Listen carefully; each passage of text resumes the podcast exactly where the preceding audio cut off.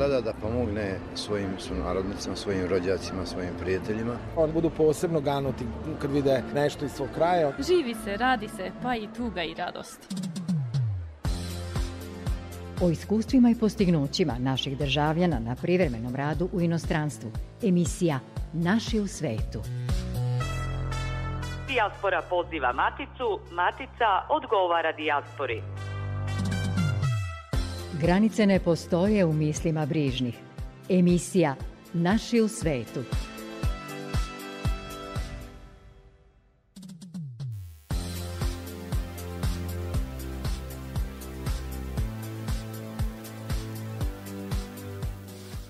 Dobroveče poštovani su narodnici širom sveta, pozdrave šaljemo i slušaocima u Matici. U narednih pola sata u emisiji Naši u svetu teme i događaji kojima se jača veza Matice Srbije sa rasejanjem. Epidemijska situacija u Matici je izuzetno složena, svakim danom se otkriva sve više hiljada novozaraženih koronavirusom, danas više od 16.000, a slična je situacija i širom sveta, pa su sve ređi događaji na kojima se okuplja naša dijaspora i kada to čini, poštuju se sve epidemijske mere. U narednih pola sata o tome koliko naši ljudi migriraju po svetu i kakav je trend povratka u Maticu u posljednjih godinu dana. Vodimo vas pričom u našu dijasporu u Americi, gde je u Čikagu obeležena 115. godišnjica srpskog hora Branko Radičević. U Švajcarskoj su deca našeg porekla svojim vršnjacima predstavila naše kulturno nasleđe i folklor. Iz te zemlje donosimo i priču o Beograđanki koju je ljubav odvela u rasejanje, a sada tamo pomaže našim ljudima da se lakše snađu u novom okruženju. Sa vama su za tonskim pultom Nenad Sretenović, a pred mikrofonom Goran Pavlović.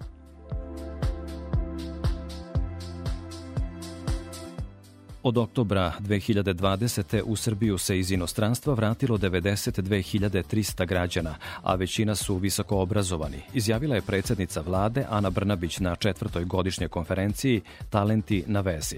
Premijerka je ukazala da istovremeno i dalje postoji problem sa nisko kvalifikovanom radnom snagom u sektorima kao što su vozači, električari i varioci, koji odlaze trbuhom za kruhom u zemlje Zapadne Evrope.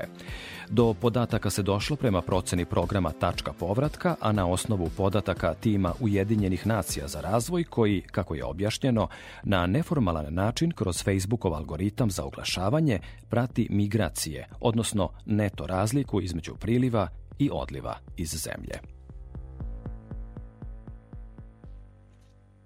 Sa fokusom na različite programe koji mogu pomoći u kvalitetnijem povezivanju Srbije i dijaspore, tačka povratka radi na sistematizaciji relevantnih informacija za naše povratnike i pojedince koji u Srbiji žele da otpočnu biznis ili nastave profesionalnu karijeru, studiraju, doprinesu, ulože ili se vrate u zemlju i penzionišu, kaže Ivan Brkljač, programski direktor tačke povratka. Veliko zadovoljstvo napraviti svake godine presek stanja šta je to što je urađeno prošle godine za naše ljude u inostranstvu, za našu, za našu dijasporu, za naše povratnike i mislim da smo izašli sa nekim konkretnim e, i pričama ljub, konkretnih ljudi, brojkama.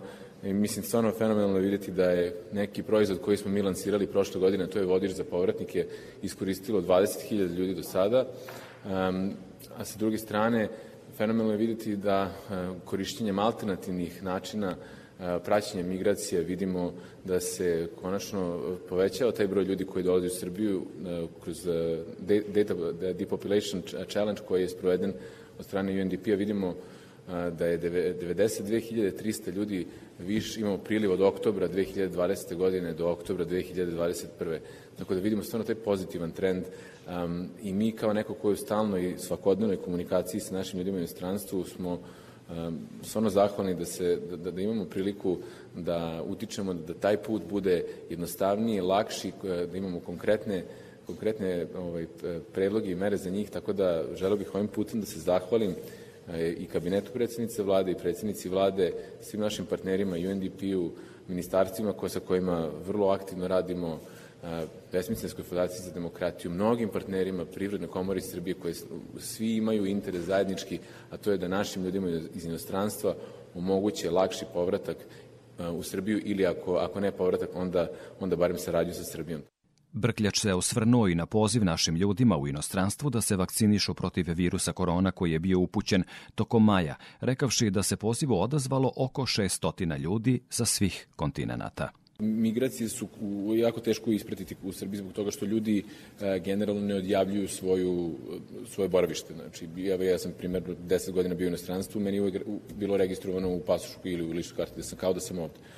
E, tako da mi ne možemo e, kroz formalni način da jednostavno pratimo migracije. Ono što vidimo kroz neformalni način jeste da mi imamo zapravo priliv od 92.000, kao što je, kao što je predsjednica vlada rekla, to je u principu, ako pogledate na Depopulation Challenge na UNDP-ovom sajtu, slobodno googlajte, vidjet ćete e, tim koji zove Bootstrappers, koji je napravio statistiku koja prati migracije kroz alternativni, znači kroz Facebookov algoritam za oglašavanje. Tu ćete vidjeti tačno tu procenu na osnovu čega je napravljena ta, ta, ta procena ona je dosta egzaktna zato što govori o dakle se ljudi loguju sa IP adresa, a da su poreklom iz Republike Srbije. Tako da je dosta egzaktno, iako nije, kako kažem, formalan način računanja. Tako da mi imamo zapravo priliv u poslednjih godinu dana kada se gledaju, gleda ta statistika. To je neto razlika zapravo. Znači, znači govorimo o tome. A mi nemamo podatke zato što zbog zaštite podataka, mi ne znamo ko su imenom i prezim ljudi koji su otišli, koji je to broj. Mi samo vidimo razlike. Jednostavno, to je ono što Facebook daje na, na pristup da se vide te razlike. Ne znamo mi da li je to 93.000 ljudi se vratilo, a 700 otišlo, pa je to razlika ili je razlika mnogo veća. Ti podaci nisu, nisu dostupni. Dostupne samo neto, neto razlika. Pod motom razmenom znanja do novih prilika, tačka povratka pruža informacije povratnicima i informiše o poslovnim prilikama za rad u Srbiji za kandidate sa međunarodnim iskustvom. Više informacija potražite na internet stranici tackapovratka.rs. Ja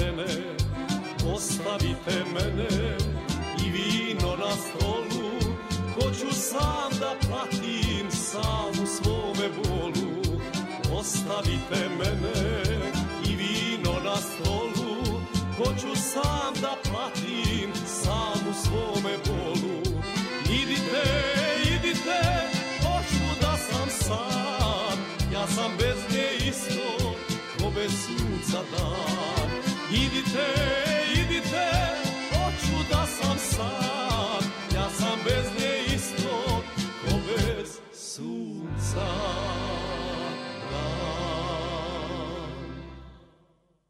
Emisija Naši u svetu.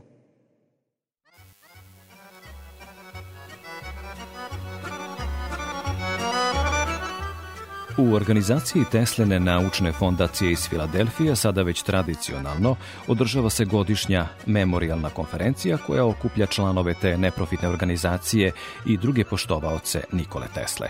Učesnici su izneli više zanimljivih predloga koji se odnose na promociju lika i dela Tesle, što je najbitnija karakteristika unapređenja rada fondacije. Odlukom uprave i članova Tesline naučne fondacije iz Sjedinjenih američkih država, koju čine američki Srbi, Amerikanci, ljubimci i obožavaoci srpskog genija iz čitavog sveta, Novaku Đokoviću, najboljem svetskom sportisti, dodeljen je orden Nikole Tesle. Tesla i Đoković su tesno povezane ličnosti jer potiču iz srpskog etnosa i oni su danas simboli i ambasadori našeg naroda u svetu, poručio je Nikola Lončar, tvorac Tesline naučne fondacije. Koncertom u društvenoj sali Srpskog sabornog hrama u Čikagu, hor Branko Radičević iz tog grada proslavio je 115 godina postojanja. Hor godinama gaji muzički talenat više generacija, od najmlađih do veterana. U našoj dijaspori u Americi to pevačko društvo čuva od zaborava pesme našeg kraja.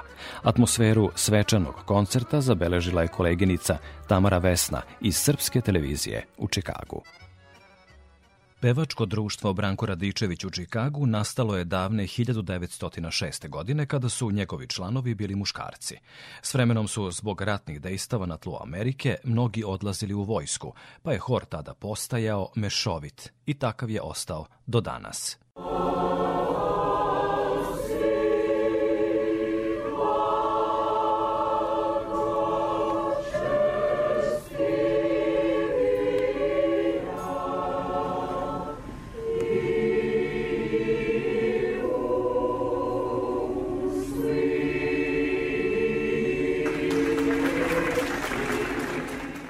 Nemamo puno događaja koji se održavaju u zatvorenom prostoru, jer smo se zbog epidemije uglavnom okupljali na otvorenom, kaže predsednik Crkveno-školskog odbora Crkve Svetog Vaskrsenja Hristovog Ilija Šišarica što smo slavili ovaj Branko Radičević 115 godina je vrlo lepo. Ima dosta istoriju, jer ipak Branko Radičević je prije, prije naše crkve u Americi, eparhija. I znači starije to. I kad sjetimo Branko Raditović, nažalost, umro je mlad. Nije imao ni 30 godina. Eto, bio sam, slavo Bogu, kod njega na Frušku goru, gde su njegov spomenike i to.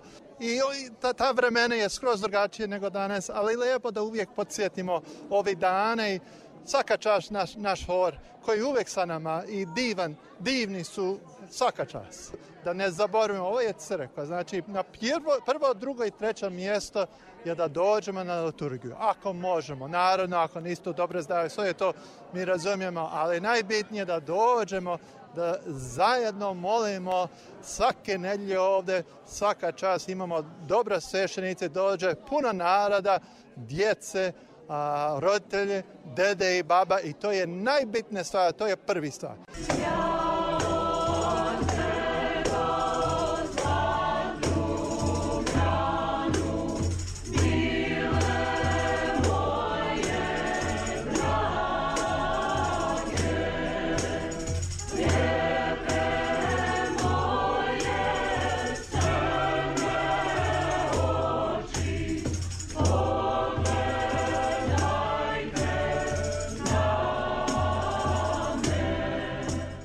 Predsednica pevačkog društva Branko Radičević u Čikagu, Marija Engleža, koja je na čelu hora oko 10 meseci, svoju pevačku karijeru u okviru hora počela je sa 14 godina, nakon što se iz rodne Kanade preselila u Čikago. Bila je članica i folklornog ansambla. Ona kaže da je srpski hor angažovan na raznim manifestacijama. Malo srpski naučila sam se najviše od mame i tate u kući. Bila sam prvo dete kao prva generacija ovde, pa su mi roditelji e, naučili. Najviše sa babom sam pričala, a, tako da gramatiku možda ne znam tačino, ali se potrudim. Volim naš jezik, volim naš narod, volim našu veru, naša crkva i ponosna sam što sam srpkinja. I ponosni što imamo ovako, koliko imamo dece u malom horu? Ima, ima 35 dece. To je budućnost nas, našeg hora i dalje da postoji 115 godina i, i više ako, ako Bog da.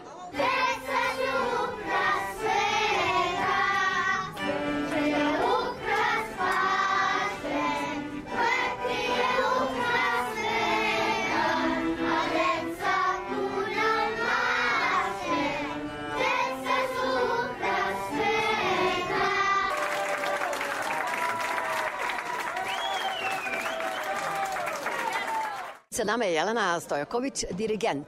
Slavili ste danas 115 godina Branka Radičević. Jesmo. Srpskog pevačkog društva Branko Radičević, 115 godina. Mi smo bili osnovani 14. novembra baš 1906. godine ovde u Šikagu i a, nadam se da će naši svi preci, ako su nas slušali de god su, bili a, zadovoljni kao što smo mi bili danas. Moje srce je stvarno puno. Pored velikog hora, tu je i deči hor, Brankići. Tu je deči hor Brankići, da. Mi imamo trenutno 35 članova u dečijem horu a, i a, jako su sjajni. Puno su energije, žele da pevaju. Neke, ok, ima neke koje roditelji forsiraju da budu tamo, a većina želja, žele da pevaju. Mi imamo jako talentovane, jako talentovanu porodicu koja je deo našeg hora. Pridružili su se nam pre možda dve, tri godine kao dečica. To je Radović porodica. Čerke sviraju jako fino violine. To je, čekaj, mama je Sonja, a čerke su Sofija, Aleksandra i Gabriela. Gabriela, nažalost, nije bila danas tu, ali ona isto svira. Pa oni i pevaju sa nama i onda ovako kad nam hoćemo malo da napravimo nešto malo drugačije na program, program oni i sviraju sa nama. To je zaista lepo. Znači, a, probe su svake nedelje.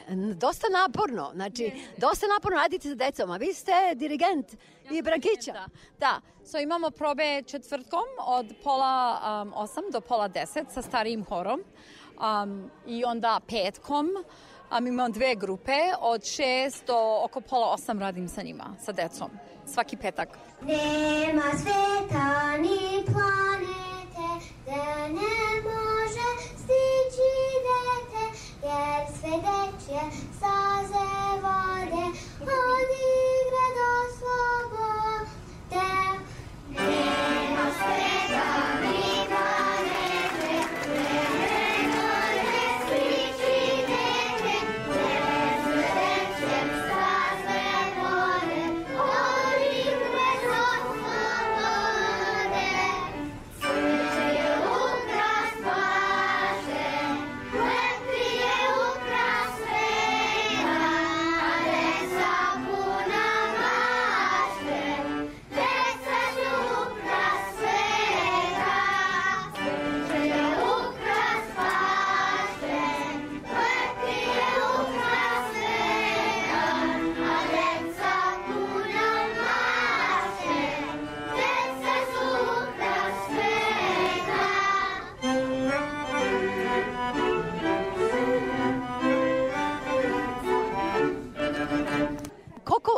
Deca imaju godina da se priključe? Pa ja mislim, mi, ja ih primam od četiri godine, ali da bude onako idealno, od šest godina pa najdalje, pa starije malo bolje za decu da, da se pridruže dečijem horu.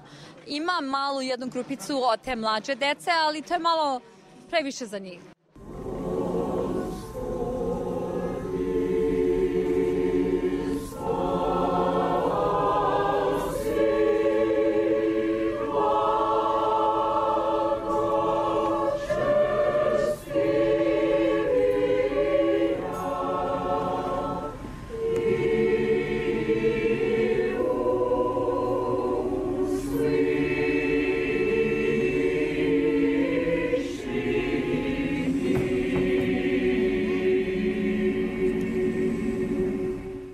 Okupljajući sve generacije, srpski hor Branko Radičević u Čikagu, koji je proslavio 115 godina postojanja, čuva našu pesmu od zaborava u sredini gde dominira američka kultura, a ona svoju raznolikost gradi upravo na suživotu i podršci osobenosti ostalih naroda. Koleginica Tamara Vesna iz Srpske televizije u Čikagu svoju ljudsku i novinarsku misiju zastiva na belešci svakog događaja koji u dijaspori čuva od zaborava tradiciju našeg naroda.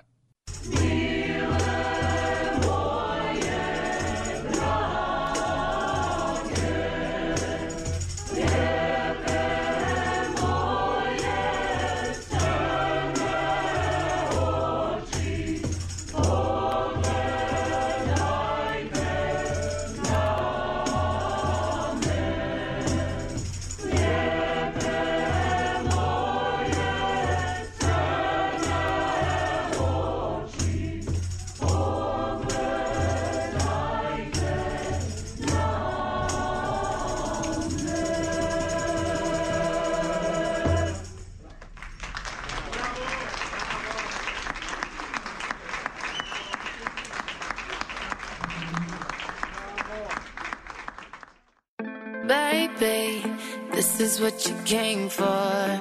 Lightning strikes every time she moves. And everybody's watching her, but she's looking at you.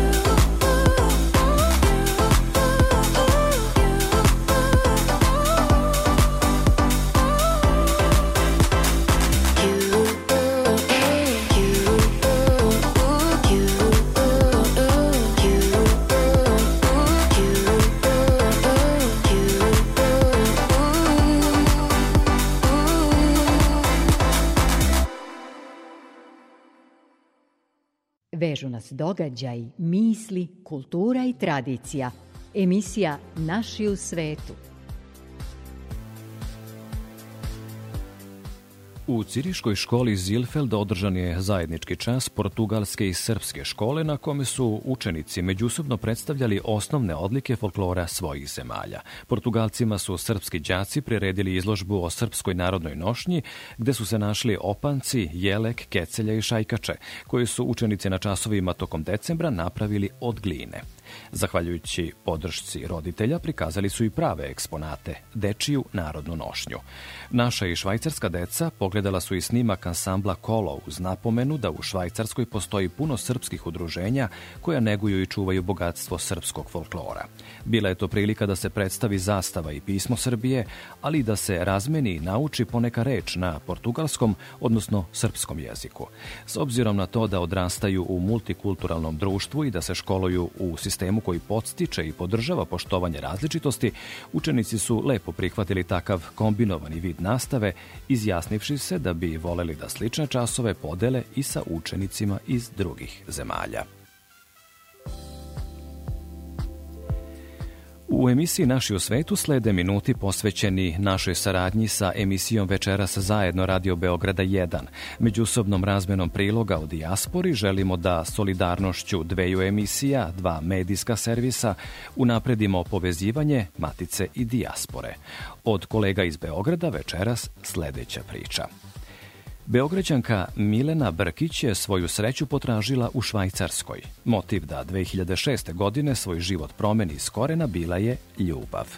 A kada se nedavno odlučila da osnuje svoju firmu, kaže da ju je vodila misao ako je meni bilo teško, drugima ne mora da bude. Milana pomaže onima koji su tek stigli, ali i onima koji tamo žive već neko vreme. Sebe predstavlja kao savetnika za integraciju i život u Švajcarskoj.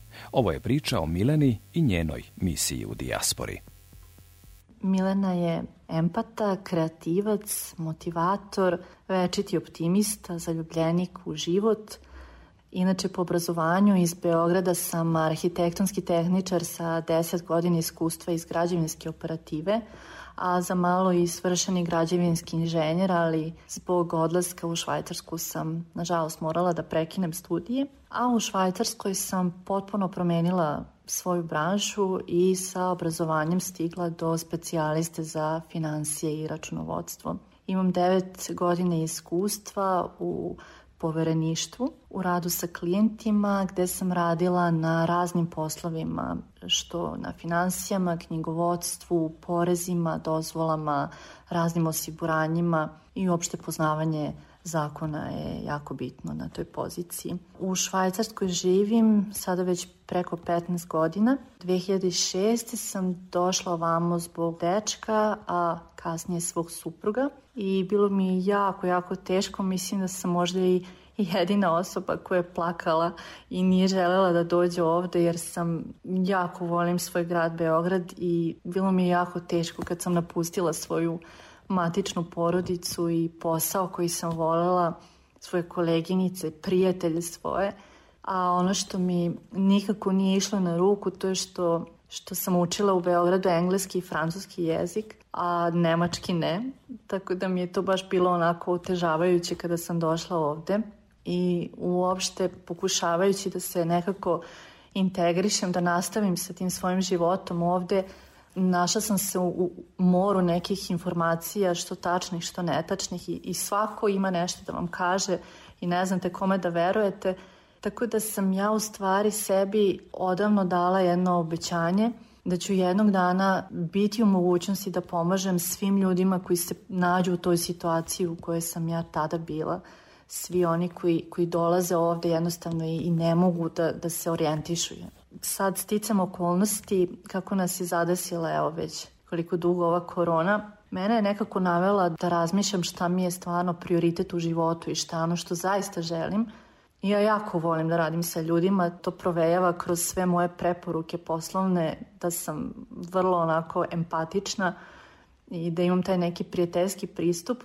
I tako nekim sticam okolnosti se baš pogodilo da ja sada krajem septembra napokon eto, ispunim to svoje sebi dato obećanje i osnujem tu svoju firmu Swiss Life and Integration Consulting. Pitali ste me na koji način pomažem. Pomažem im na više načina. Prvenstveno e, sam krenula tako što i to i dalje radim na Instagramu i Facebooku. Svakodnevno objavljam izuzetno bogat sadržaj gde u stvari sam krenula prvo sa osnovnim informacijama koje svako mora da zna kada dođe u ovu zemlju, a onda zatim sa svim situacijama sa kojima se neko sreće. Znači, počevo od traženja posla, šta je potrebno, dozvolama, traženju stana, potpisivanju protokola pri predaji, znači bukvalno svi aspekti života, sve ono što može da vas nađe i da vam se dovodi u ovoj zemlji. Vikendom onako malo štedim svoju publiku i tada onako objavljam jedan malo i zanimljivi deo gde, gde se dotičem švajcarske tradicije i kulture i zanimljivosti i mislim da to isto dosta dobro prolazi zato što onako nije tako baš šturo i suvoparno ovaj, samo informacije i zakoni, nego ljudi ipak mogu da, da upoznaju malo na neki drugi način ovu zemlju i da, da im se približi. Inače, posjedujem naravno svoju klasičnu web stranicu na internetu koja glasi swiss-integration.ch i tu možete se javiti znači, putem kontakt forme. Tu takođe objavljujem uh, informacije razne i šta će se odigravati, da li su to neke radionice ili e-bookovi koji izbacujem. U radu sa samim klijentom kada radim baš na nečijem određenom slučaju, onda to radim u vidu konsultacije koja obično traje sat vremena. Tada se u stvari i upoznajem sa samim klijentom i sa temama na kojima on želi da radimo, znači šta ga muči ili šta želi da postigne i onda se čujemo putem nekih e, platformi, da li je to Zoom ili Skype, kada onda detaljno diskutujemo i pravimo strategiju, plan kako on uopšte da ostvari to što želi ili reši to što ga muči. Mogu me inače pronaći još i na Instagramu, kao i na Facebooku. Puno vas pozdravljam, sve najbolje. Poštovani slušalci, hvala vam što ste i večeras bili uz nas i priče iz rasejanja i matice. Budite sa nama i narednog petka kada pripremamo nove informacije o uspesima naših ljudi u svetu. Sve nedoumice u vezi sa emisijom rešite posetom Facebook stranice Naši u svetu RTV. Hvala vam na pažnje.